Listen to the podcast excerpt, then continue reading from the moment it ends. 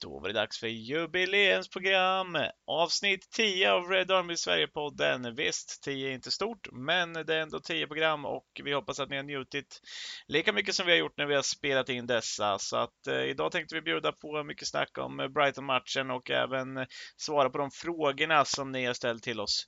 Eh, har ni andra önskemål så var god skriv till oss. Eh, det går att skicka meddelanden på Messenger på eh, Facebook så att svarar vi så gott vi kan och har ni önskemål till podden vad vi kan göra, inte göra bättre, eh, bara skicka in förslagen så ser vi vad vi kan göra med det.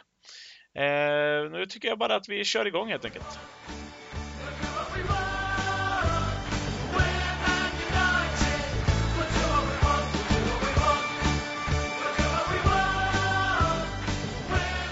Då rullar vi igång eh, jubileumsavsnittet, för det är ändå grabbar avsnitt 10 utav Red Army Sverige-podden. Eh, och, eh, ja precis, woho! Ni hör honom i bakgrunden här, Adam Stenberg och eh, Mikael Krekula. Ni är som alltid varmt välkomna in till denna podd. Tack Jonas! Tack så mycket! Ah, ah, tack! Eh, men ni, eh, vi har ju faktiskt lite gött att snacka om eh, inför, ja, i den här podden. Det var ju en, eh, ytterligare en vinst för United. Sista tiden om man går snittmässigt så ser det rätt bra ut. Men eh, 3-1 mot Brighton. Hemma för en gångs skull fick ju spela. Vi vinner med 3-1 eh, relativt komfortabelt. Trots att eh, Brighton gör 2-1 så känns det rätt, ja, inte så skrämmande som det har gjort de andra gångerna kan jag tycka. Men eh, vad, vad kände ni där? I alla fall när Rashford dunkade dit 3-1 precis efteråt, vad, vad var liksom själva känslan där? Vad tänker du Adam? Liksom? Det jag känner där, när vi släpper in 2-1, när Dunk nickar in hörnan där, så känner jag i andra matcher har vi ju väldigt snabbt släppt in tappar liksom tempo och blir oroliga, ängsliga vid sådana tillfällen. Men i det här fallet så, släpper, så sätter vi ju 3-1 ganska start och de är inte riktigt van vid liksom. Det vill komma till att vi taggar på. Det verkar som vi kanske till och med ökar tempot när vi släpper in. Medans eh, vi har haft eh, problem i andra matcher och det är vad jag kommer ta med mig framöver den här matchen. Vi tittar framåt och vi har faktiskt ett mål.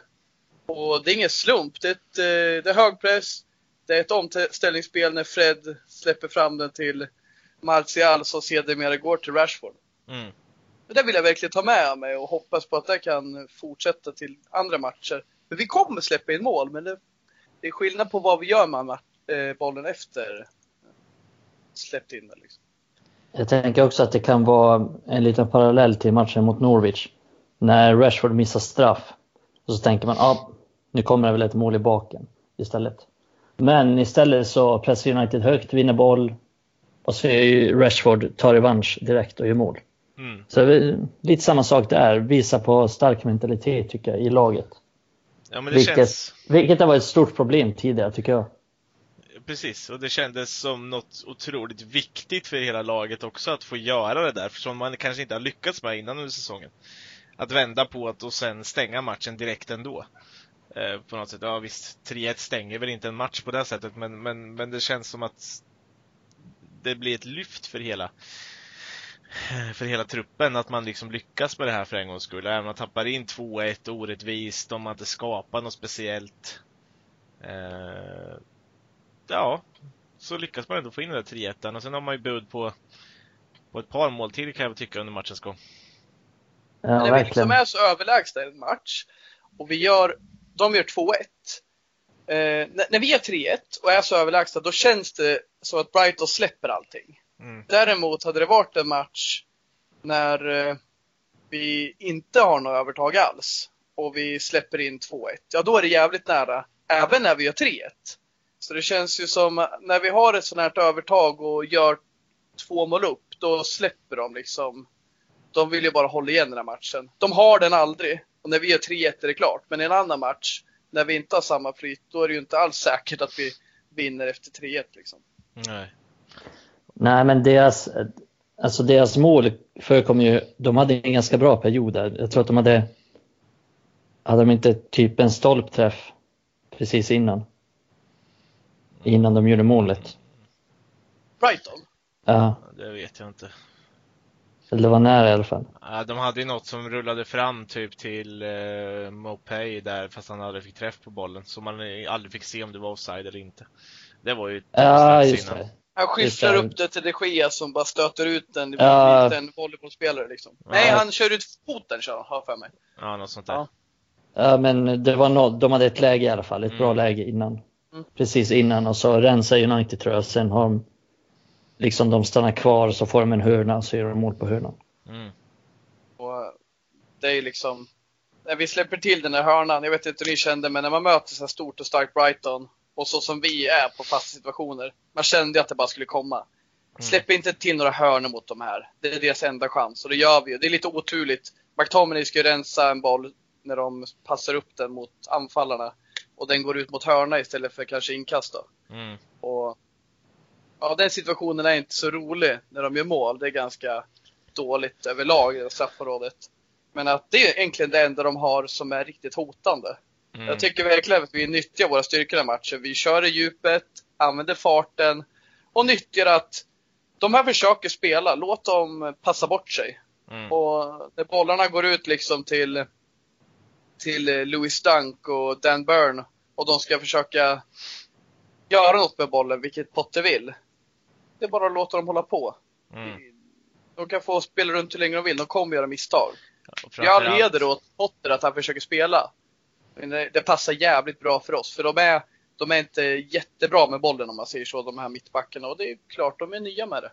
De, är ju, de har ju inte Ja. spelat boll tidigare om man säger så. Dan, Dan Burn fick ju knappt spela förra året när de spelade en fotboll som kanske mer tilltalade hans form utav ehm, kompetens Ja. på fotbollsplan, kan man tycka. Han spelar ju Wigan då liksom. Och de är ju inte kända för skönspel heller. Ja, men han satt ju på bänken ett par matcher förra året. eller?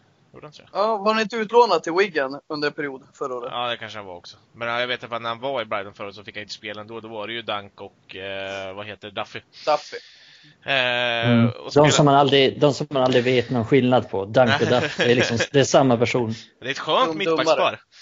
Eh, men eh, ja, i vilket fall som helst, i det här fallet så, så blir ju allting bra. Visst, de har ju mer boll än oss, sett över matchen om man tittar till bollinnehav, men produktivt med bollen så är United väldigt bra den här matchen och en stor nyckel till det måste jag väl ändå säga Anthony Martial. Eh, Mm. Men jag vill bara säga en sak angående, angående bollinnehavet. De har ju mer bollinnehav. Mm. De har ju nästan inget bra bollinnehav så att säga. De är, det är sällan de har något boll, bollinnehav långt in på Uniteds planhalva eller så. De har ju mycket boll i backlinjen och så. Mycket boll på liksom så här defensivt mittfält. Det är ju mest på deras egen planhalva. Så jag tycker ändå att vi vinner mittfältskampen. Där Fred och McTominay, speciellt Fred, är extremt bra. Mm. De försöker ju liksom, vi ser att Dunk hade bollen. Han försöker alltid nå, om man inte någon av mittfälten försökte nå Mopay. Mopay blev ju mobbad av Maguire. Och Fred, ja, han gjorde jobb för tre på mittfältet och sållade Mm. upp dem där med Prop, Propper och, och Stevens. Ja. Så liksom Maguire och Fred har ju så jävla viktig roll i det här just att återvinna boll och se direkt upp med den. Mm. Fred var helt fantastisk. Men alltså Maguire också i bakgrunden. Han gör mycket jobb åt Lindelöf. Lindelöf får ligga lite djupet som man vill ha han. Maguire stöta. Och han gör det jäkligt bra för han Mopay.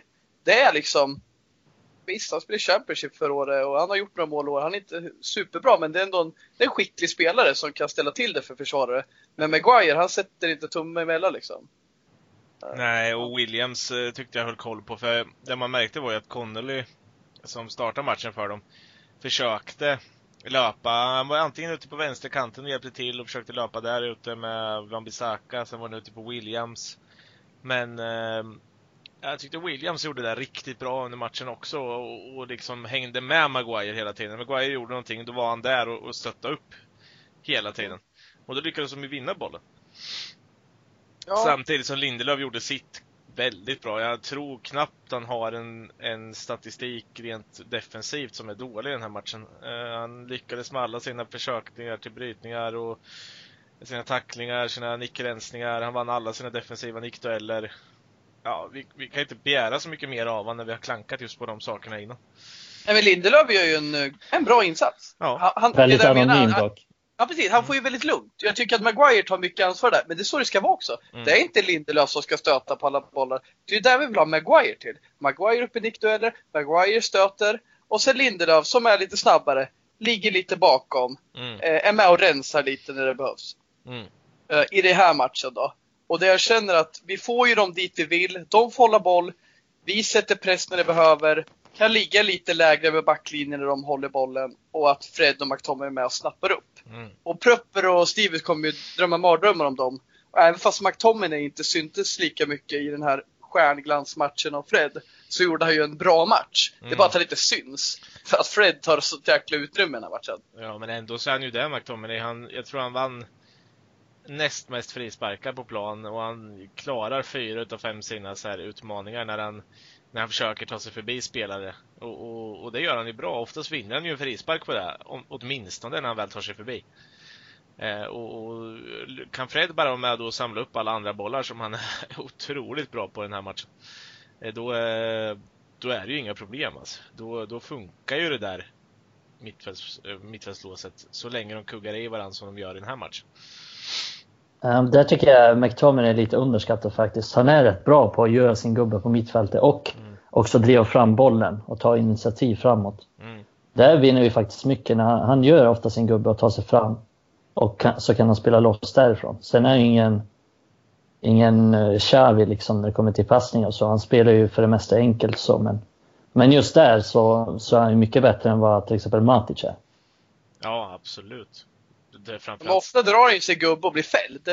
Och Ja. liksom vinner något åt oss. Och kommer han inte förbi blir han fälld. Ofta kommer han ju förbi. Det är inte så att han är fumlig på bollen. Ingen mästerteknisk spelare. Men ändå väldigt eh, givande på det här sättet. Mm. Det är ju många som snackar om det är viktigt att ha han. Han kämpar och han, han eh, är stark. Jo, det är ju. Men det är mycket mer. Och det kan jag faktiskt hålla med dig om. eh, Eller faktiskt, jag håller verkligen med dig om att han är underskattad på det här viset. För han är mycket mer än bara en kämpe på mitten. Mm. Han är ganska given, i- givande på det här sättet med. Ja, för att inte snacka om hans, hans målskytte. Ja. Han har ju bidragit med en, en målfarlighet den här säsongen. Och, och, Nu fick han ju inte det här målet dock. nej, men eh, Men det var hans mål. det är hans mål. Det är hans det. mål liksom. Men han, är ju, han har ju måltider också. Han, känslan är att han, han har ett bra skott och att han oftast träffar mål också. Han är rätt klinisk. När han väl får lägena, känner jag. Kan det ha att göra med hans, som du har nämnt innan, eh, uppväxt som forward? Ja, han spelade i striker tidigare så att absolut, det kan jag göra. Då har han ju liksom tränat på det, spelat matcher på det. Så att absolut. Ja, för jag tänker, alltså så det här vi pratar om nu, just att de vinner boll, han tar sig förbi, han vinner frisparkar eller kan spela lätt. Det gör ju att, som i den här matchen, jag tror nästan att Martial dubblade sina bollkontakter jämfört med Bournemouth. Eh, och, och då blir ju, alltså när vi kan blanda in honom mer i spelet, då är det ganska självklart att våran tia, som i den här matchen, Pereira, gör en helt okej match också. Han eh, går ju från att vara helt bottenvärdelös mot Bournemouth till att igen göra en helt okej match. Ingenting som är skriker succé. Men ändå helt okej. Och när vi får med dem mer i spelet så blir ju vårt anfallsspel mer givande också. För då får Rashford och James mer ytor ute på sina kanter. Ja, det tycker jag var mest noterbart i den här matchen. Att Rashford gör förmodligen sin spelmässigt bästa match. Och de kunde inte riktigt hantera honom. Och hans, speciellt en mot en där han tog sig förbi många gånger. Ja, men också, men också, men också Martial och, och James som var, som var väldigt bra som, Mm. som bidrog till det. Och den från trion just är ju, har ju jävligt mycket potential i sig. Mm. Och när de väl får ytor som nu, då, fan, då är de jävligt vassa. Ja, och, och jag vet att vi har sagt det innan, jag tror det var du som skrev det Adam, men, men, men James inlägg, de är inte bara på chans alltså. De är ju riktigt, alltså de är riktade mot han. Jag tycker han prickar nästan alltid där det ser ut som att han vill sikta. Det är farliga ytor han träffar nästan varje gång. Sen att det inte alltid går fram, nej men så är det ju alltid för alla som slår inlägg. Man prickar ju inte alla på huvudet på den man vi träffar. För det har ju lite med den som löper också, men det, det, ser bra ut för James. Jag ser väldigt mycket mer potential i en helt plötsligt bara av att han fick flytta ut på högerkanten. Att han faktiskt kan utföra någonting där ute också. Även om han inte blir lika målfarlig som han kanske skulle vara om han var till vänster. Ja, men alltså vissa av de här inläggen, som han, ja det var väl två han satte in i straffområdet som inte nådde någon av våra spelare. Den nickades ut till hörna och så här. Mm. Visst, då kan man ju se till fan om det varit lite längre gått till Rashford, men alltså vissa anfallare som typ, vi säger Andy Cole eller Andy Carroll, alltså bra huvudspelare, riktiga avslutare. Mm. Alltså, inget åt Rashford på det viset, men alltså, de hade ju älskat att kunna mött på de där bollarna. Det handlar mm. lite om timing också, så James han liksom, han har verkligen sätter den där han vill ha den och det visar ju även mot Norwich när vi kontrar. det är ju aslångt ifrån att slå en skruvad inlägg och sätta den på läppen på Rashford. Mm. Innan han rullar in den. Det kan bli jävligt bra där och jag liksom hade ju bild av att det skulle hämma honom var på högerkanten. Att han bara skulle ses som liksom djupledslöpande, hårt arbetande. Men han är faktiskt givande där. Jag tycker han, han förtjänar minst en assist den här matchen. Skulle det ja, kunna bli två? Framförallt när han, eh, jag tycker han gör det rätt snyggt där när, på det här kontringsläget när han stannar upp. Får, är det dank han får att lägga sig ner nästan? Och sen springer han runt honom. Han honom rejält. Ja. Eh, och sen eh, bara rullar in den till, eller ja, passar in den till Rashford och där där kommer vi till det här varför Rashford inte kommer bli, om man inte rättar till det där så kommer han inte bli den där stormålskytten. För han missar ju ganska många sådana lägen. Om vi ska ta något negativt ur den här matchen. Eh, det gör han även Partisan ett par gånger där, ett par riktigt bra lägen som han bränner. Om man ser det för vad det är, han gör ett mål, han är ytter. Mm. Han gör en riktigt bra match. Men hade han gjort två mål till, då hade det varit världs, världsklass. Liksom. Mm. Och det är det han egentligen borde göra, men ändå gör han en bra match. Så det finns ju liksom lite att hämta där. Mm. Men hade han varit anfallare idag, eller då, eh, gjort ett mål och missat så mycket, då hade det varit en annan sak. Och mm. visst, han är anfallare, men så här, förstår ni vad jag menar? Alltså, jag kräver ju mer av honom såklart. Men just när han är ytter, då är det ju inte lika självklart att man står för målskyttet.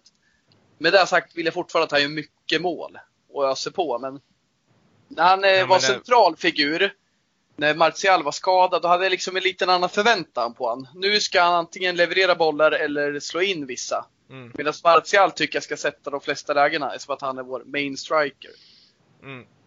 Och han är väl den enda som inte får det där riktigt klockrena läget under matchen, va? tror jag. Utan han får ju två assist, men han, han får aldrig riktigt till det där och göra, göra det där målet. Uh, Nej, han, han, han, får ju inga hundraprocentiga målchanser direkt. Nej. Han får ju inget Rashford-läge om man säger så. Nej, precis. Nej, så att jag känner inte att det var något läge där han liksom, inte där så. ska det vara mål. Men, men han bidrog ju med annat. Mm. Jag känner han är lite som Firmino i Liverpool. Typ, uh, han behöver inte alltid göra mål utan han länkar ju tillsammans, han länkar ihop liksom Rashford, James. Spelar, han spelar fram till två mål på ett mm. fenomenalt sätt tycker jag. Ja. Även om assisterna i sig inte är fenomenala så, så tycker jag att han länkar ihop laget. Men det är det han och, gör innan. För att passning till Pereira är ju inte sådär, ja, att Pereira ens får göra mål där är ju konstigt. Nej, det, det anfallet är ju totalt uselt jämfört med många andra anfall. Eh, men det var lite skönt att vi kunde få lite tur där också någon gång, för det känns inte som vi har haft på, på relativt länge. Nej, nej exakt. Vet du, det jag vill att man tar med sig från den här matchen, liksom filen Solskär tittar på, det är att liksom, i sådana här matcher när vi har mycket chanser, att man tittar på situationen i efterhand där vi sumpar. Om vi säger, det var ett annat läge när Rashford väljer att skjuta utanför straffområdet när Martial ligger på rulle och suckar för att han inte får passningen i djupet istället för att han skjuter.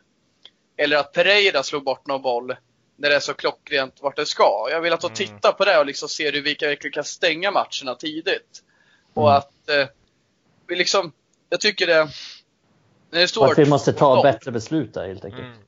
Ja men exakt, jag tycker när det står 2-0, då ska vi gå för 3-0 och vi ska göra det liksom, vi ska som en enhet längst upp lösa så att alla gör mål. Inte bara att nu vill jag göra mål för nu äger vi de här. Vi måste liksom stänga dem och det måste vi göra på rätt sätt. Och det handlar om att, har vi en kontring då spelar vi oss fram och kommer till avslut. Vi tar ett skott för 20 meter bara för att vi leder.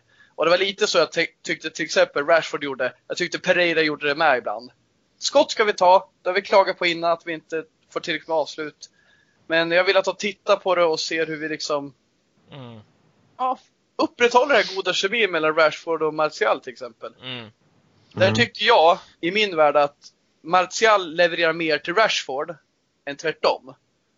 Och det är ju för att Martial är ju ett riktigt jävla geni. Ibland. När han är i spelform, då vet jag precis vilket läge jag ska lägga bollen. Och Rashford får möjlighet att göra mål. Det det är inte lika ofta det är tvärtom, tycker jag i alla fall. Och, Nej, och den, den kvaliteten besitter nog inte Rashford heller. Tror jag inte riktigt. Alltså hans passningsspel har jag alltid tyckt har varit hans stora, eh, ja, stora nackdel eller stora minus, stora minustecken. Ja, han, ja, han, det är ju kanske mer, därför det blir som det blir också, att det är Ja. Martial som levererar. han är ju mer kraftfull i sin stil än vad Martial är. På. Martial är ju mer av en, kanske en tänkare på plan. Rashford är ju mycket full fart framåt liksom. Impulsiv, ja. Eh, Men jag, ja, jag känner ju mycket att Andreas Pereira är lite av mittfältets Marcus Rojo.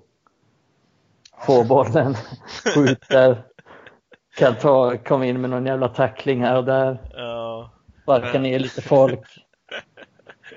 Mittfältets Marcos Rojo. Ja. Ja, men jag får ju känslan av att Pereira vill gärna göra allt när det går bra. Då vill han både spela fram och skjuta och ta för sig och vara bäst liksom. ja, men så Ja. Och det är ju så han har varit i U-lagen. Men jag vill se liksom att han mer tänker, när, när de drar isär och han får skjuta, ja, men skjut då. Men har du inte läge att skjuta, passa liksom. Han, han måste bli smartare och det kanske han aldrig blir. Men det blir jävligt tydligt på honom. Ja, men Rocco Ja, var ett bra exempel. Det kan vara jävligt högt och lågt med hans leverans. Ja, exakt. Och eh, det finns ju en sekvens där, när, jag tror att det är Rashford som ligger skadad. Så kommer flera spelare ut till linjen och så står Solskär och pekar liksom på skallen och Ja, snackar med Pereira. Tänk för helvete. Nej, vi leder med att- 2-0. Du behöver inte göra så Rojo. Ja, exakt. Nej, men jag tror att det kan ha varit någonting med, med hans position. Liksom och så. För det var lite inledningsvis under matchen många gånger att han, att han kunde ha visat sig och länkat ihop anfallet bättre. Men, men Fred tog ju för sig och skötte det till slut. ja. Eh, och jag tänkte vi skulle komma in mer på honom för jag tycker vi kanske har underminerat hans, eh, även om vi har sagt att den har varit lysande så har vi underminerat hans prestation. Men jag vill bara säga det om Pereira, såg ni precis efter han hade gjort målet? Då såg det ut som hela killen lös av nöjdhet och eh, självförtroende. För då skulle han dribbla och skjuta överallt och lite som du säger, just Marcos Rocco-style. Eh, nu jävlar ska jag bara banga iväg den här för nu har jag gjort mål så nu kan jag göra två mål till. Eh, det är som vi snackade om tidigare i, Ja. i en podd, hans självbild. Ja. Och då är det ett skitdåligt vänsterskott som tar i ryggen på Louis Dunk och in i mål ungefär. Det, Och ja, skitdåliga så här, vad fan hette han, den gamla brassen, De Nilsson, hette han så? Som spelar VM. Nej, nej, nej. nej. Han Nej, han spelar- gamla Den Nilsson som Ja, spelar som EM spelar- 2002. Ja, exakt. Till och med VM 98 kanske också. Ja. Ja, men skitsamma. Påminner om honom i alla fall. Han kom in och gjorde överstegsfinter hela tiden. Bara stod still och gjorde överstegsfinter. Så kommer ihåg att det var, det var tror jag, min brorsa som sa till mig att det är det enda han gör. Han kom in och så gör han överstegsfinter. Jag satt jag och tänkte svinlänge. Jag var jätteung. Bara, Vad fan. Han gör inget annat. Alltså. Han bara kommer in. Undrar hur han får spela egentligen. Jag antar att han måste ha haft. Ja, exakt. Jag trodde att han bara kom in och gjorde det, sen passade han vidare så här två meters pass. Ja, ja, men om vi rullar över på Fred då i alla fall. Alltså den här prestationen han står för idag. Vi har ju klankat ner på den och vi har frågat vem han är och lite sådär. Nu har han ju fått spela x antal matcher i rad här och eh, någonstans börjar han väl ändå Jag börjar ändå se någonting vart det kan barka hän ifall han får fort, om han fortsätter prestera. Eh, för att han, han har en, en god passningsteknik, han har en hyfsat god teknik när han inte börjar trampa på bollen och stå still med den. Eh, och framförallt hans näsa för att leta upp de här andra bollarna som i den här matchen visar sig riktigt bra. Eh, dock som sagt kanske tidigt och utmynna att ja, men han, han kommer kunna vara någonting vi behöver. Men i alla fall de här sista matcherna har han presterat på en, på en relativt hög nivå. Och den här matchen är han ju ja, väldigt bra, kan jag tycka.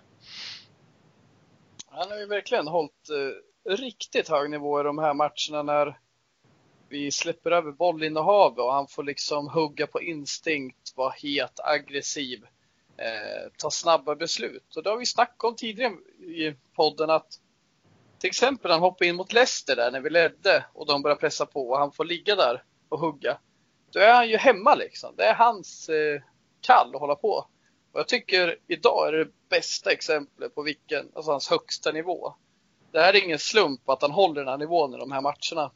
Och jag tror verkligen att kommer vi ha fem matcher till där vi har ett liknande förfarande då motståndet vill hålla boll och också är lite naiva i bollinnehavet, då kommer han bara hugga och vänta och vilja sätta prägel på matchen.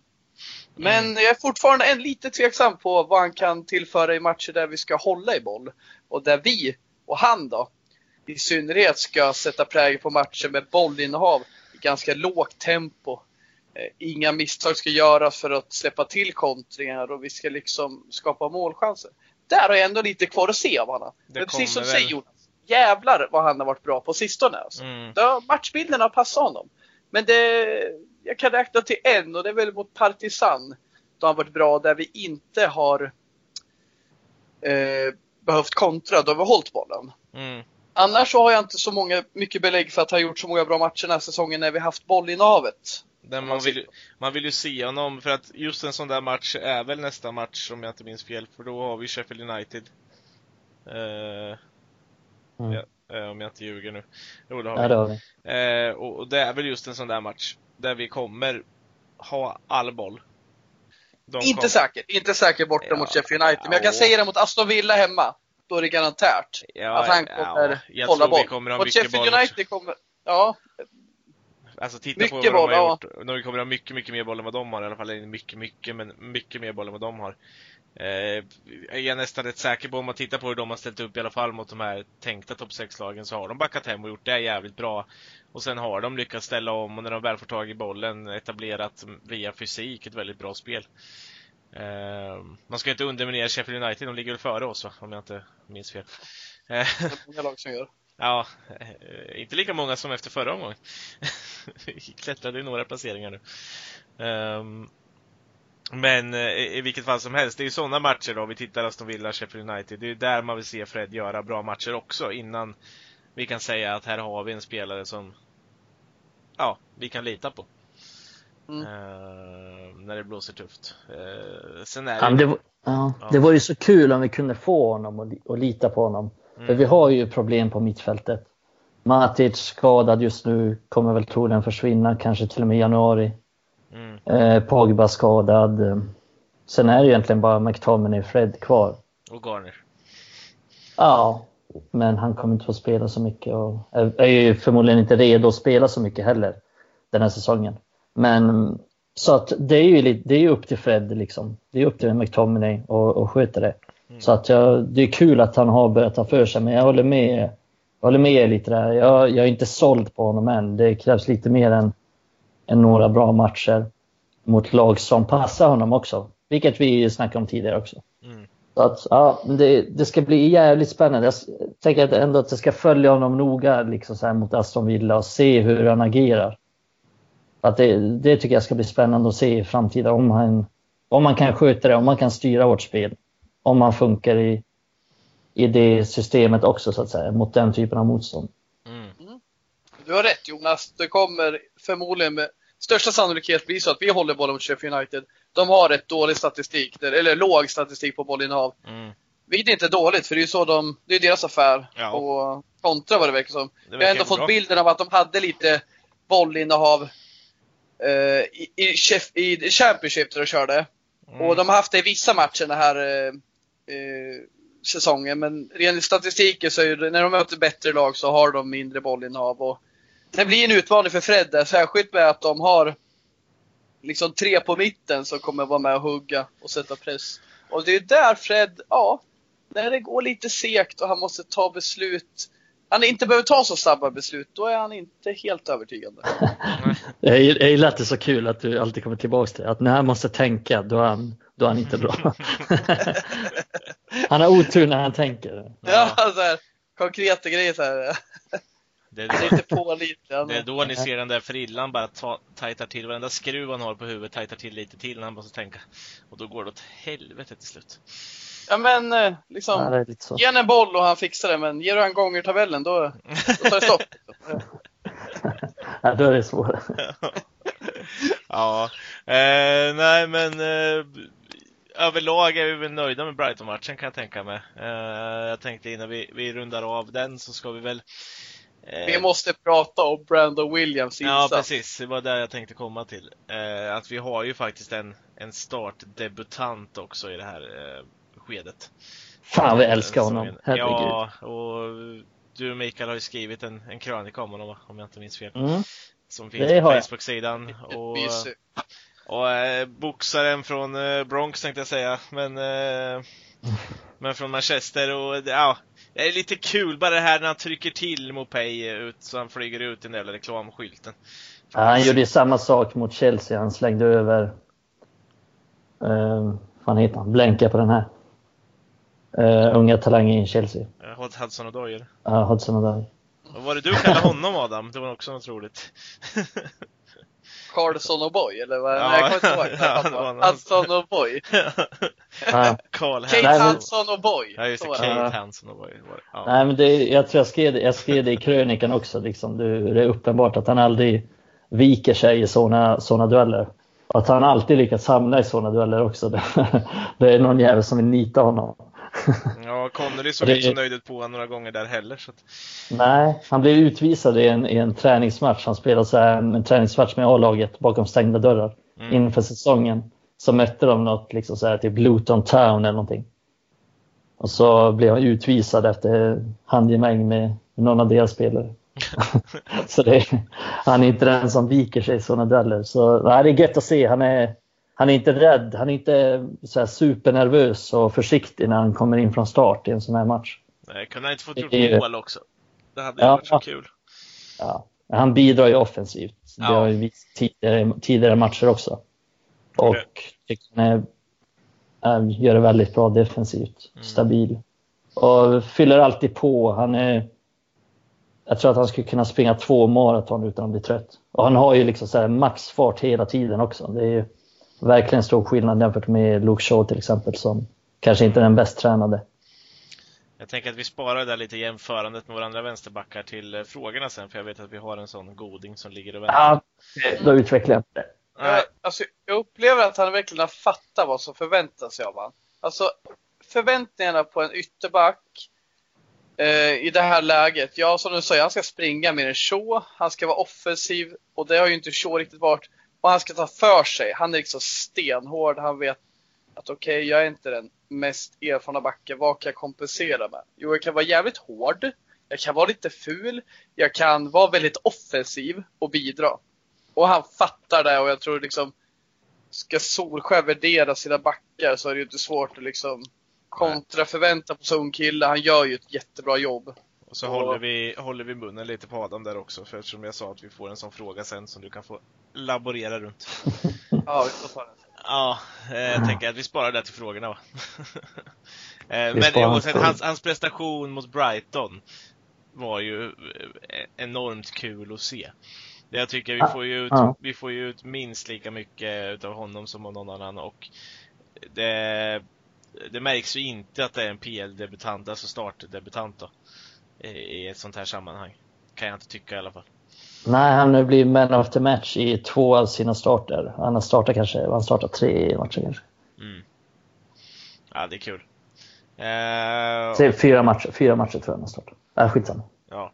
Men jag tänkte att vi ska väl kliva över till frågorna då. Jag vet inte om ni har någonting mer ni vill säga om Brighton-matchen. Förutom att jag ska säga en gång, sak till efter att ni har fått säga om ni vill säga någonting mer. Så varsågoda. Nej, jag, jag har inte så mycket mer att säga, men du ska köra din tippning va? Jag har Ja. ingen aning vad jag tippat så. Nej. Billy? Något mer att säga om matchen? Ja, det är väl att eh, man kanske kan önska att eh, vi, vi har problem på fasta situationer. Och en del i det får man inte glömma att där ligger David de Gea bakom. Han är en fantastisk linjemålvakt och han har räddat oss många gånger genom åren. Men man kan önska mer om hans eh, agerande i luftrummet. I den här matchen är det väldigt tydligt för han har inget problem att komma ut där. Och jag tycker inte att någon av backarna riktigt tittar på varandra och undrar vad var det som hände. För de vet att oavsett vad som händer så borde faktiskt någon skrika här och boxa bort den. Mm. Ett problem till är ju såklart att Pereira är den som håller bank. Och det kan man ju ifrågasätta. De har fyra riktigt stora killar. De borde vi kunna sätta fyra relativt stora killar på. Men då sätter vi Pereira som kanske är minst på plan. Det är såklart ett av två fel. Det andra då, det är att de Gia inte kliver ut från sin linje. Mm. Och det är inget svårt läge för honom att kliva ut på. Det är något man kan ta med sig till framtiden och kan titta i framtida matcher. Som sagt, han är fantastisk på det han är bäst på, men han har fortfarande utvecklingspotential i att äga sitt straffområde. Mm. Och ska vi avsluta med mer negativt så kan vi säga just det här med att Maguire förlorar alla sina defensiva nickdueller den här matchen. Eh, och det säger ju en del. Eh, faktiskt. Rent bara där i. Nu var det ju inte han som var högst Hur många nickdueller var det då? Fyra stycken om man tittar bara till att det räknas som dueller då. Eh, fan. defensivt. Ja. Eh, Var, var tre av dem med typ en egen spelare eller? ja, Ja, det var, det var de tre som Lindelöf vann. Ja. Ja, nej, men eh, så var fallet i alla fall. Eh, men som sagt, tippningen, kommer du ihåg vad du tippade Adam? Jag tror jag gissade på 2-1. Mm. Det var någon som sa 3-1 va? Mm. Känns så. Det var Jonas. Gissa vem det var? Ja, det måste vara jag. Nej, det var jag. Du sa 3-0 Mikael. Åh för fan. Ja, det skulle varit 3-0 om inte Pereira hade... Jag hade inte satt det Pereira på honom. Den eh, taktiska ändringen hade jag gjort och då hade Men det nu blivit... tippar fint. vi ju inte av vad du hade gjort Mikael. Nu Aha, tippar jag har vad, missförstått. vad Solskjaer gör. Ah, Nej, sorry. jag satte 3-1 och sen som målskyttar hade vi faktiskt ingen som hade rätt rent krasst. Och Jag hade McTominay, Marcial och James. McTominay blev ju inte mål då. Eh, Mikael sa Fred, Marcial och Greenwood och du Adam som Marcial och James, vilket inte blev rätt för någon då. Men jag, jag, jag, jag tar den poängen. Ja, och till nästa gång blir Ja. det ingen tippning för vi har ju inga matcher. Så att eh, nästa bit vi ska rulla vidare till är ju frågorna. Men jag applåderar mig själv. Eh, säger tack eh, för eh, att ni inte har tagit någon poäng i tippningen än så länge. Det känns Vi som kan att ni tippa något annat. Ja. känns som att ni låter mig vinna. Eh, nej, men vi rullar vidare. Vi har ju fått in lite frågor här och vi tänkte att vi skulle kunna laborera runt om lite mer.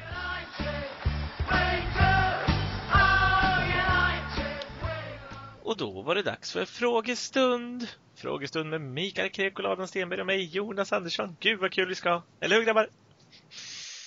Alltid kul med frågor. Ja, Alltid kul. Älskar frågorna. Ja, men vi bad ju om rekord den här gången. Vi skulle få så mycket frågor så vi skulle bli helt överösta. Eh, Men det blev vi inte. Det blir bara efter förlust, då blir det jävla massa frågor. Ja, då, då får vi massa frågor. Då ska vi helst klanka ner på folk. Men nu när det har gått bra en match här, då, då tycks ni inte ha så mycket. Det är ju så. Det är, man har inte så mycket att säga när det går bra. Det är mest när det går dåligt man har mycket att säga. Men vi är nöjd med de frågorna vi har fått ändå. Jag har inte rätt håll. Precis. Eh, vi har ju fått frågor i alla fall. Och eh, jag tänkte eftersom jag höll på att hyscha er förut och bad er nästan till hålla käft där när vi pratade Williams. Så tänker jag att vi tar den frågan direkt då så ni får prata av er. Eh, det är Patrik Liljenby. Um, han skriver först här att han hoppas att Williams får fler chanser från start. Uh, han har verkligen tagit för sig när han fått chansen och var ju grym i söndags borde vara given för både Young och Shaw. Men frågan är ju om samtliga de tre spelarna är friska, vem tycker ni borde få spela från start? Vilka för och nackdelar tycker ni Williams, Young, Shaw har? Var så goda. Ta ordet. Marcus Rojo borde få spela. nej, nej, jag skojar bara. Nej, men eh, vilka för... Det var frågan. Vilka fördelar och nackdelar? Ja, vem borde få, alltså, frågan Vi är, kan Jag börja med för och nackdelar och sen kan vi gå in på vem som då borde få spela. borde starta. Ja. Ja, men eh, fördelar... Uh, Ashley Young är ju pålitlig. Gör oftast inte bort sig. Nej, men jag tycker Young är rätt bra offensivt också. Han bidrar med en del offensivt tycker jag. Mm. Och sen för rutinen har han ju också. Eh, Luke Shaw tycker Shaw är rätt bra defensivt. Alltså liksom så här, vinner en del nickdueller och sånt defensivt. Rätt så stabil. Nackdelar, alltid skadad. Kass offensivt. Eh, Riktigt jävla kass. Förmodligen den sämsta ytterbacken i hela ligan offensivt. Jag skojar inte ens. Eh, Det är väl hans nackdelar.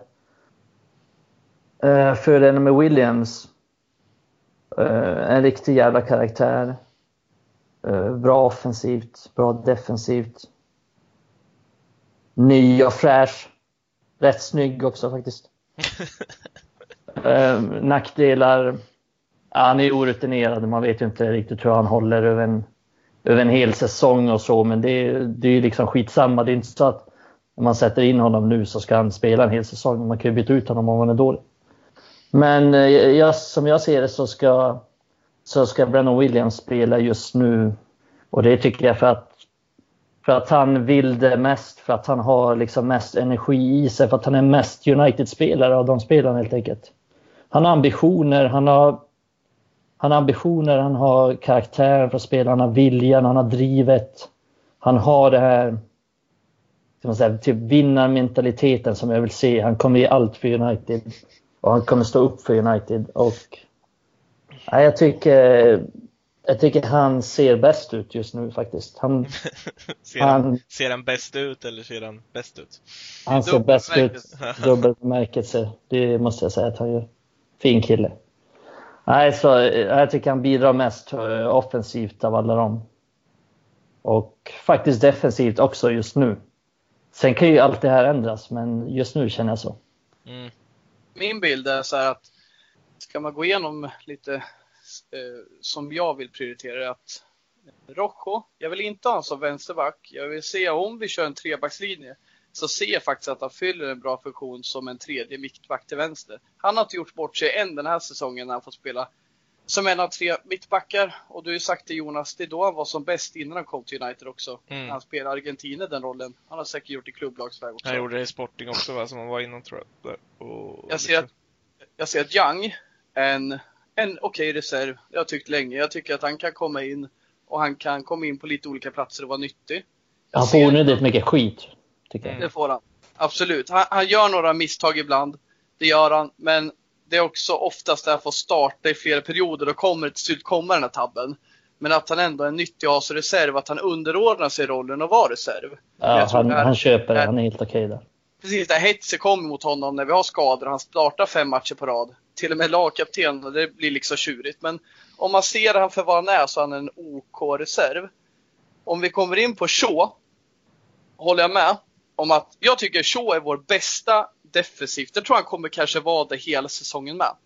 Problemet med Shaw, det är mm. att primera Shaw, prioritera honom den här säsongen. Det är lite som att eh, vara på bröllop och stanna kvar vid bröllopsfikat med att skita och dra på festen. Vi får en god defensiv, men offensiven den ser vi inte av. Han, han levererar för lite offensivt. Med andra ord, är vi kvar på bröllopsfikat hela kvällen, hela dagen, ja då blir det inte så jävla mycket roligare eller bättre än så. Men däremot, om vi ska se på det längre perspektivet, tror jag att vi kan ha en jävligt skön bröllopsfest framöver också. Om vi ser till vad vi kan få med Williams, som jag anser är god potential att bli en bra back defensivt och mycket högre potential offensivt. Med hans frejdighet framåt. Jag ser en jävla fördel med att han kan använda högerfoten och driva inåt naturligt och sen skära in en passning till vänster där en av anfallarna ligger på rulle. Vi mm. såg det några gånger senast. Och där tror jag att, kort och gott, Shaw är begränsad offensivt. Han slår för lite inlägg och de han slår går oftast fel. Det är inte den här man önskar. Vi har till exempel Chilwell i Leicester. Där kommer inlägg efter inlägg. Han går på rulle. Han blir aldrig trött. Mm. Jag ser att Williams ska starta så mycket det går den här säsongen. Och det är främst för att jag tror att han är den mest potentiellt bästa vänsterbacken. Och att det kommer kräva av Shaw att han fattar att han kanske ska eh, börja steppa upp sitt game. Mm.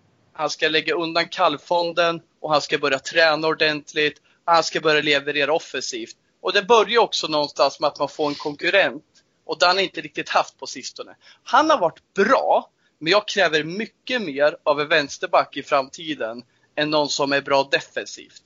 Jag kan säga så här, AVB är inte klockren offensivt, men han ser att han kommer bli bättre och han bidrar faktiskt med något, även fast han inte eh, slår så många klockrena inlägg. Men jag tycker han kombinerar sig på ett sätt som jag inte sett Shaw den här säsongen i alla fall. Han kommer ju runt. Han kommer runt och ja. bollar i alla fall. Alltså det, det gör han ju, men om vi, om vi, drar, om vi säger med AVB, om AVB ska spela och Shaw ska spela. Visst, AVB bidrar lite mer än Shaw offensivt, men ingen av dem bidrar ju särskilt mycket offensivt, vilket gör att United blir får ju eh, begränsad offensiv på så sätt. Det blir ju mer lättläst eftersom man vet att varken Shaw eller AVB kommer bidra med särskilt mycket offensivt. Så det är ju lite till en nackdel också att vi har en så pass defensivt skicklig ytterback på andra kanten. Mm. Ja, Vilket så... gör att vi inte behöver Shaw på samma sätt. Och det är intressant, ska vi då välja Shaw och AVB, då får vi tänka om i offensiven. Då kan vi inte tänka där med att ytterbackarna ska fylla på. För gör vi det så kommer det bli en begränsad offensiv. Däremot ja, ser jag inte det med Williams. Jag ser att Williams ska kunna, han kom till flera lägen än eh, de här senaste matcherna än Shaw har gjort. Han, han, fyller all, han fyller alltid på. Men sen kompletterar han ju Maguire bättre också defensivt, tycker jag, än vad de andra två gör. Alltså rent med att han är snabbare än de andra två.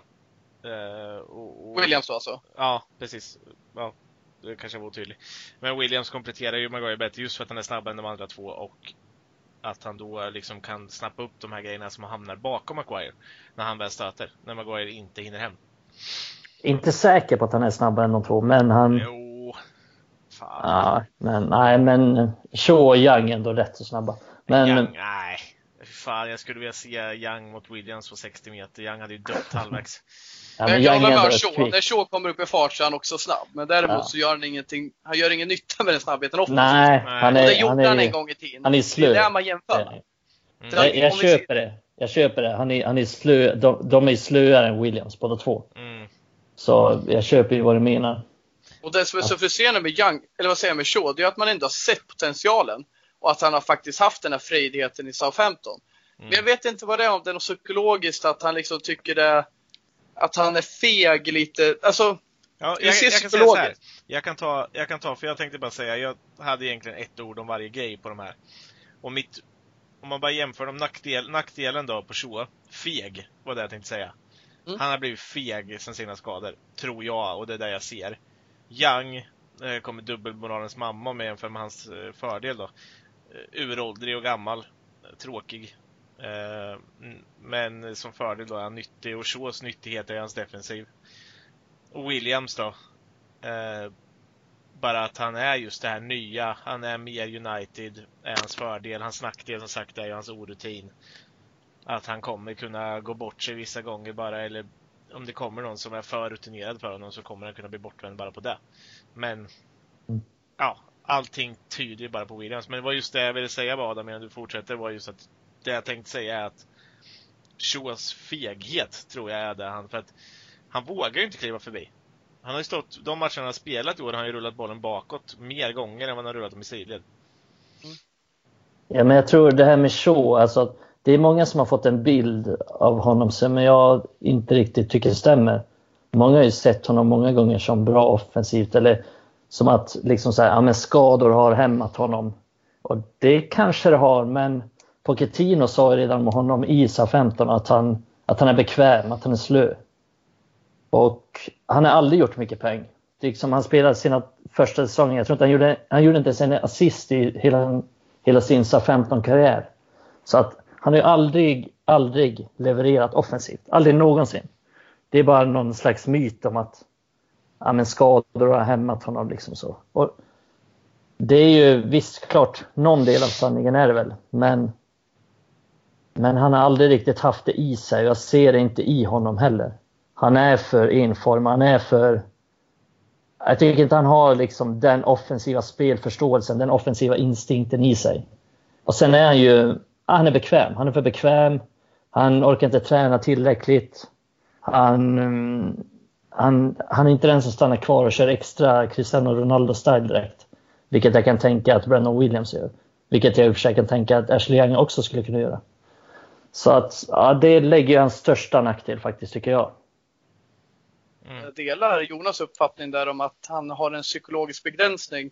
Och jag vill också gå dra det till spetsen att även när José Mourinho lite mobbade han, vilket är hans sätt för att öka kapaciteten åt en spelare, sätta eh, liksom mål från honom att du måste fan skärpa dig. Du, han var ju rätt hård mot eh, Shaw. Mm, ja. fanns anledningar till det. Jag ser också det lite, att han är lite rädd för att vara offensiv för att han inte vill brista i defensiven, vilket han har skött bra då. Eh, men jag känner att jävligt sant i att han är feg, att han borde våga mer och att han har kapaciteten. Och det kan ju också vara lite med lättjan, att han är lite bekväm. Och likt Williams har ju varit frejdig när han var ung med, men man vill ju se det Mm. varje match att han pungar på. Man såg det när han jobbade med DePay på vänsterkanten en gång i tiden, att han bara öste på. Det var under Fanchal.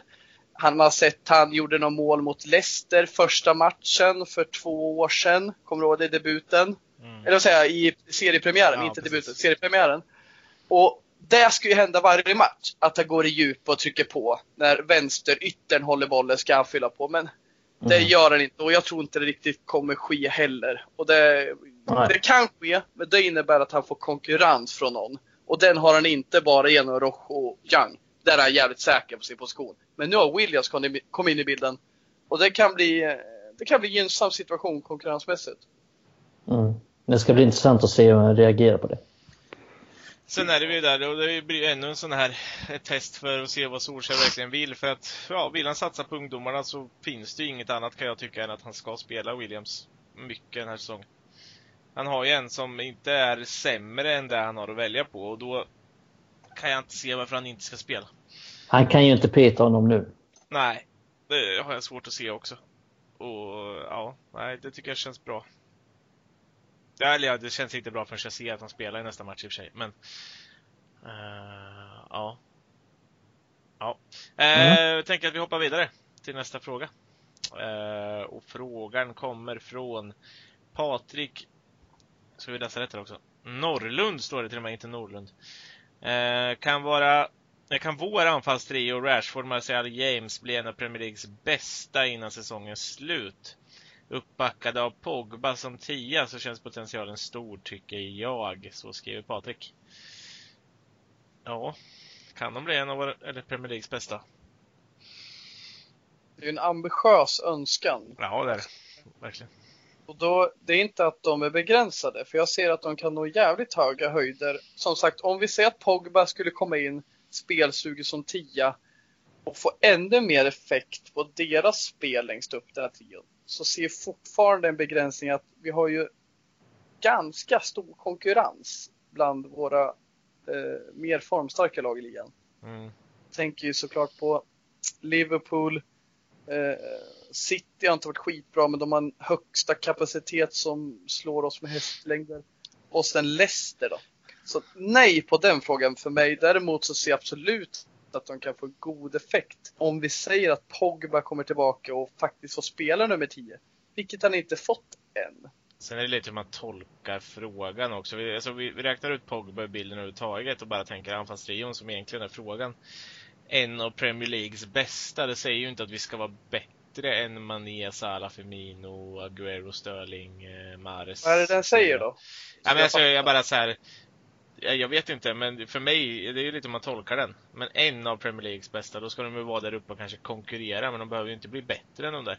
Sen Jag det- tror du sa att det kan bli det, den bästa. Nej. Ja, kan vår bli en av Premier En Leagues av de bästa. bästa. Ja.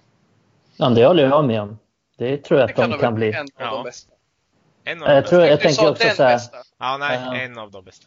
Sen leker jag så här med tanken om att säga att Martial, Rashford och James skulle spela under Pep Guardiola i City med det i mittfältet. Då tror jag att det, den anfallstrion hade varit jävligt, jävligt vass. Men um, kan de bli det i United?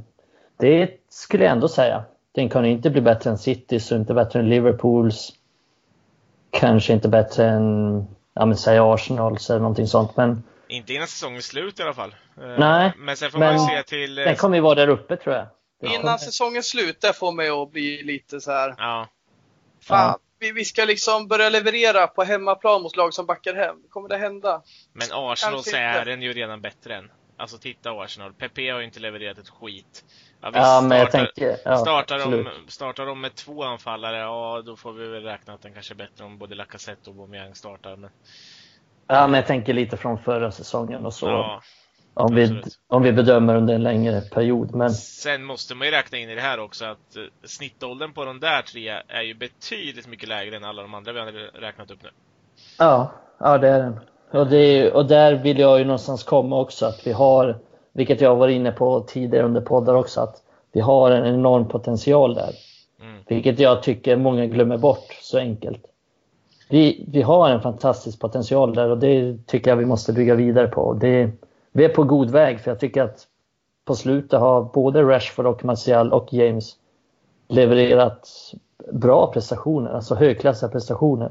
Och ser vi till statistik så, så har ju Rashford liksom Alltså vad det gäller mål så är inte han efter Harry Kane eller Nej. Eller nu är det i och för sig Salah mål senast då. Men det blir lite orättvist. Nej men alltså han är inte mycket efter dem vad gäller mål.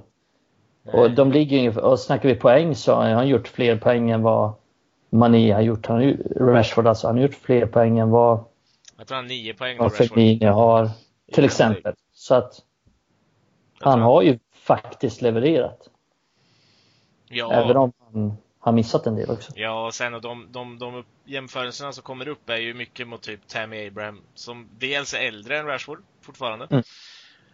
Eh, och, eh, och alltså ja, Abraham, Abraham är ju en nia. Han spelar nia också.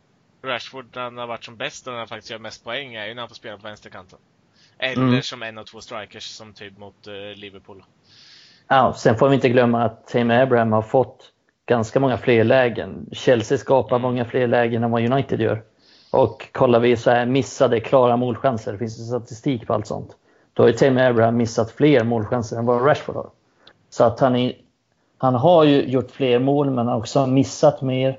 Han har helt enkelt fått fler chanser att göra mål. Och det är klart, det är inte jättekonstigt att han har gjort mål då. Så att jag tycker fortfarande att vi har en bra potential där. Det är inte där jag, jag, tycker inte det är vårt största problem att Rashford, Martial, James inte levererar. Jag tycker det är i mittfältet vi skapar för få chanser. För där lägger vi inte i toppen. Och samtidigt är det ju att mittfältet funkar i en förutsättning för att de här ska kunna bli en av de bästa. Eh, och det är lite där man får ta med i helhetskalkylen. Liksom. Det är där mm. jag är lite försiktigt optimistisk. Men jag hör er, ni har rätt. Det är mm. jävligt hög potential på de här. Tittar man på bra missade chanser som du säger så ligger Tim Abraham i topp tillsammans med Chris Wood i, i serien. Mm. På nio missade. Och eh, mm. Rashford ja, hittar vi på sex tillsammans med spelare som Aguero, Firmino och Wilson. Mm. Då ju Rashford ändå missat straffar vilket också räknas med. Räknas in. Yes. Men man missar inte straff om man heter Jorginho. Om man bara vill ta upp det. nej. Eh, nej, men eh, det får väl egentligen sätta den punkten. Det vi har mycket potential eh, om man ser till den frågan. Eh, sen kommer vi till en, eh, oj. Eh, ja, vi sa att vi hade fått lite frågor, men Stefan Magnusson menade inte ojet som något negativt, Stefan, utan mer att det var ganska mycket frågor och den, ja vi tar den första då, så betar vi av dem lite. Den första är rätt stor. Eh, Pogbas vara eller icke vara? Ja, varsågoda. Tack för det. Ja. eh, ja, eller jag kan börja. Eh, enligt mig, Pogbas, Pogba blir icke vara speciellt lång tid till någonting har hänt där, någonting står inte rätt till. Jag förväntar mig här under landslagsuppehållet att det kommer en, någon ny litet möte med, något nytt litet möte med, med Zidane eller med att eh, hans broder går ut och kläcker ur sig någonting från sin, sin lower League-karriär om, om Paul. Eh, alternativt att Mino ställer till med något. Eh, och så eh, pungar vi in lite cash på honom i januari. Eh, och jag ser det inte som något extremt negativt, inte som läget ser ut just nu. Truppen ser ut att må bättre på plan utan Paul Pogba, även om han såklart, när han är spelsugen, ger oss en helt annan dimension ute på plan. I alla fall min syn på saken. Hade jag fått bestämma och önska så önskar jag att Pogba var fullt inställd till att kliva vidare i sin karriär med United och ta oss till nya höjder. Men jag får liksom ingen känsla av att det är så det kommer vara eller så det kommer bli. Jag har fått en bild där det är tydlig för redan för ett år sedan liksom att han har planer på något annat och jag tror också som du Jonas, jag tror det kommer hända något och om det händer redan till januarifönstret att de kommer överens med deal. Om han nu vill gå till Real Madrid och har, och har gett de indikationerna, då tror jag att vi kommer sälja han redan nu. Eh, för att kanske ta in två ersättare på eh, berörd position. Det är den känsla jag får nu under den här skadan. Det känns som det drar iväg. Solskär, det kändes lite konstigt när han snackade om det här. Och det är bara spekulationer men för den här frågan, jag tror inte han kommer vara kvar. Och om det inte sker nu i januari så tror jag han kommer lämna i sommar. Och jag tror att Real Madrid är målet. Mm. Jag tror mm, jag tror att han tycker att United är för dåliga helt enkelt. Han är besviken på, på hur det har blivit kring hela klubben. Han tänkte att han skulle komma till något slags nybygge som skulle ta nya höjder men United har inte varit bra. Han vill inte spela ett lag som är, som är så här dåligt.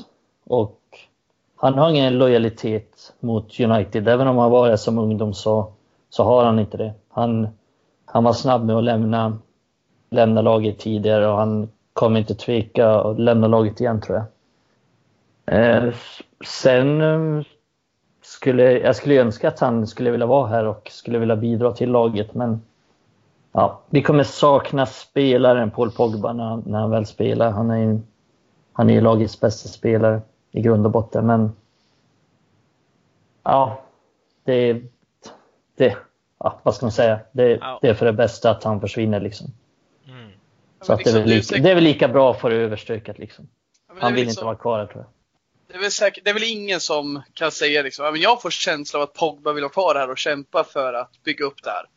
Man har ju snackat om att man ska bygga runt Pogba och man ska snälla. Och så, jag tror ingen har det och liksom, har någon det så kom gärna med den eh, retoriken till mig och det underlaget. Men när man inte får den känslan, ja men ska vi ändå bygga om? Ja men det är väl bättre att fimpa han då. Om han vill göra karriär i Real, vi får in en summa för han, vi kan ersätta och vi kan liksom någonstans få ännu mer balans på lönekontot efter det vi gjorde förra året. Det handlar inte om att vi ska spara pengar. Det handlar ju mer om att vi ska få en balans på vad man ska tjäna som bäst i klubben. Och då jämför jag med andra lag som gör mycket bättre resultat men har en jävligt mycket lägre snittlön än oss. Och det ser jag det långsiktiga. Och det är i liksom takt med att han inte vill vara kvar. Nej, men då det är nog dags att gå vidare då. Ja, sen gäller det att klubben har en idé. Det är till exempel gör som när Liverpool sålde Coutinho. Så fick de ju, de blev ju av med deras då bästa spelare. Men de fick ju jävligt mycket pengar för honom och ersatte honom på ett fantastiskt sätt. Mm. Med, med andra spelare liksom. Så att, ja. Jag hoppas att United gör någonting liknande av de pengarna man får. Men ja, jag tror inte det. Men jag hoppas det.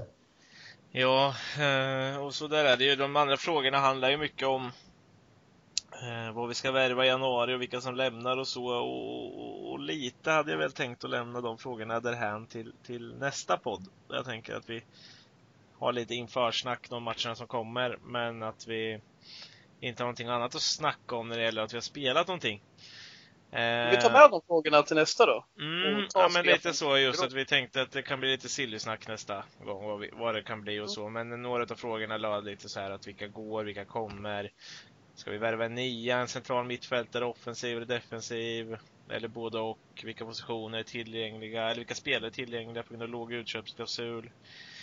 Vilka kan köpas på grund av utgående kontrakt? Så. Men sen kom det en fråga till och den tänker jag ändå vi kan beröra nu. OGs möjligheter till matchcoachning.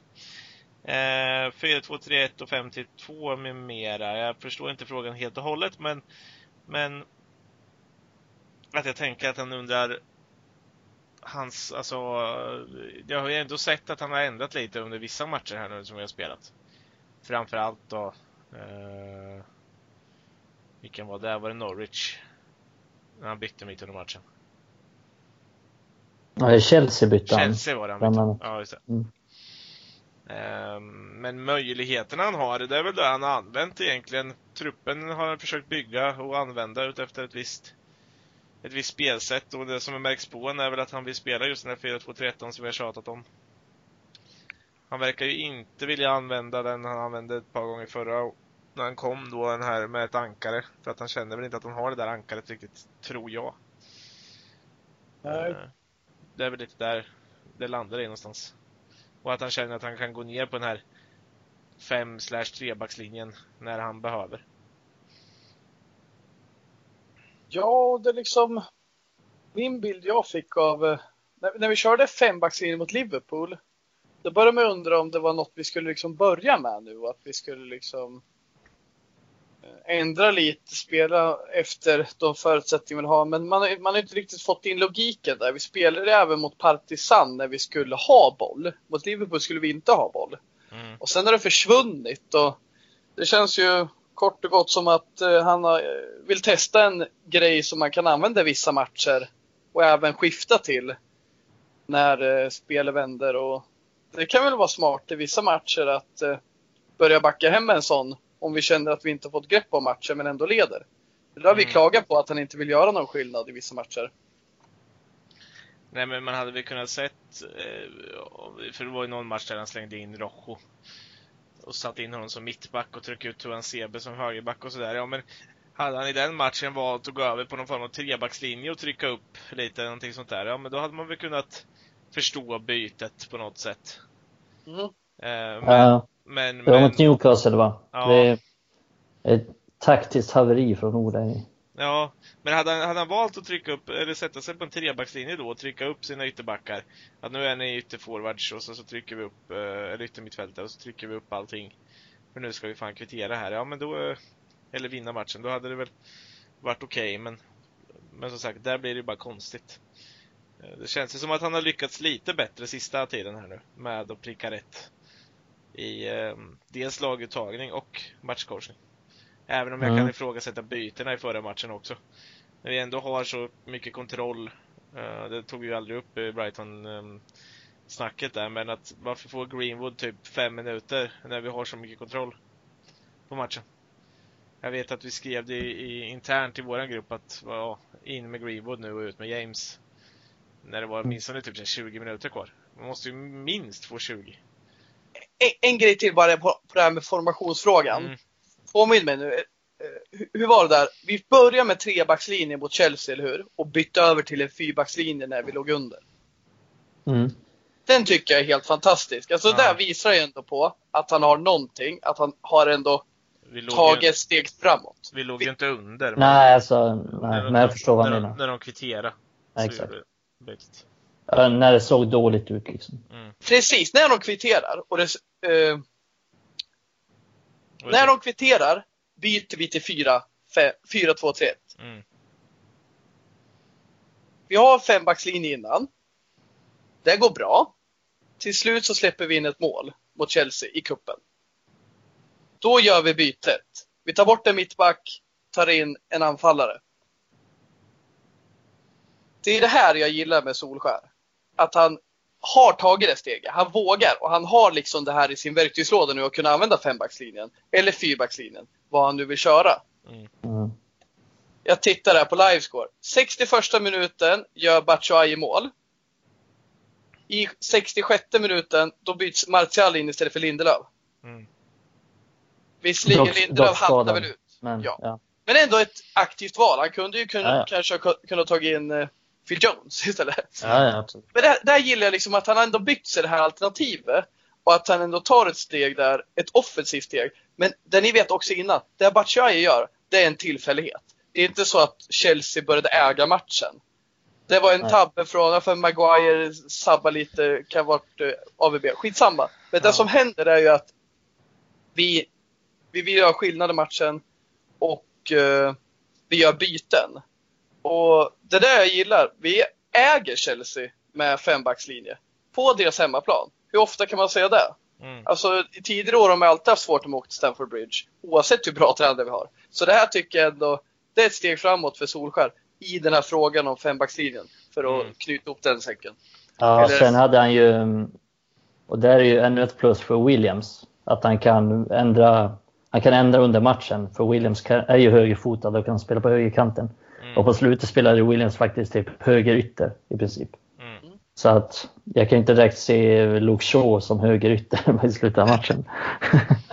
Ja, men det är ändå så här utility player liksom. Han kommer ju vara flexibel och leverera där med.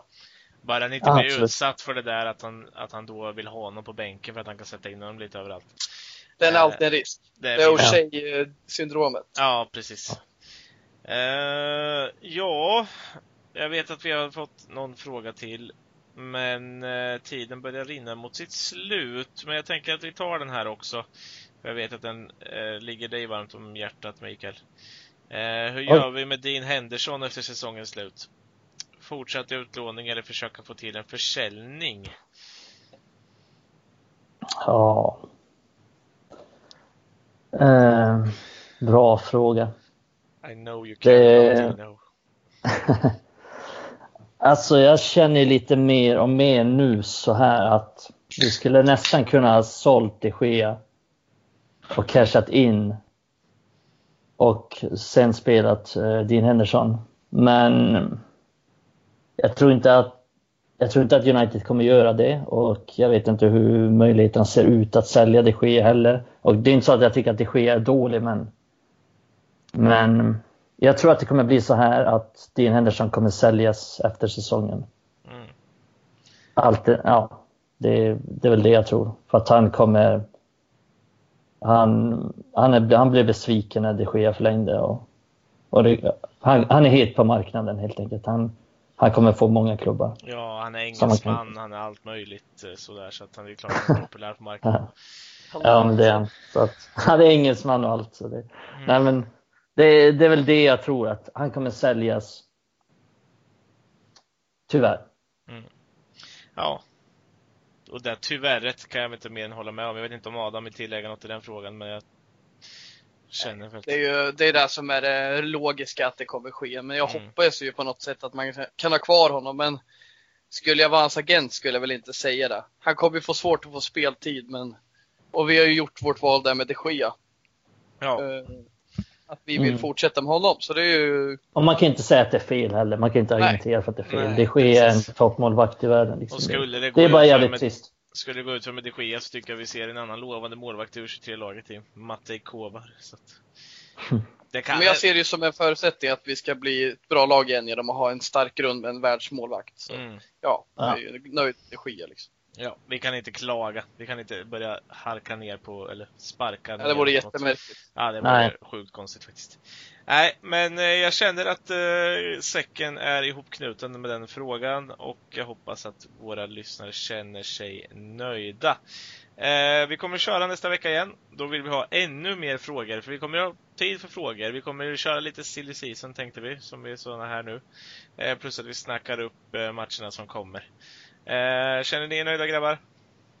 Absolut. Absolut, det gör jag. Bra. Då Vi kör säger på nästa vecka igen. Ja, det gör vi. Mm. Bra, då säger vi bye bye!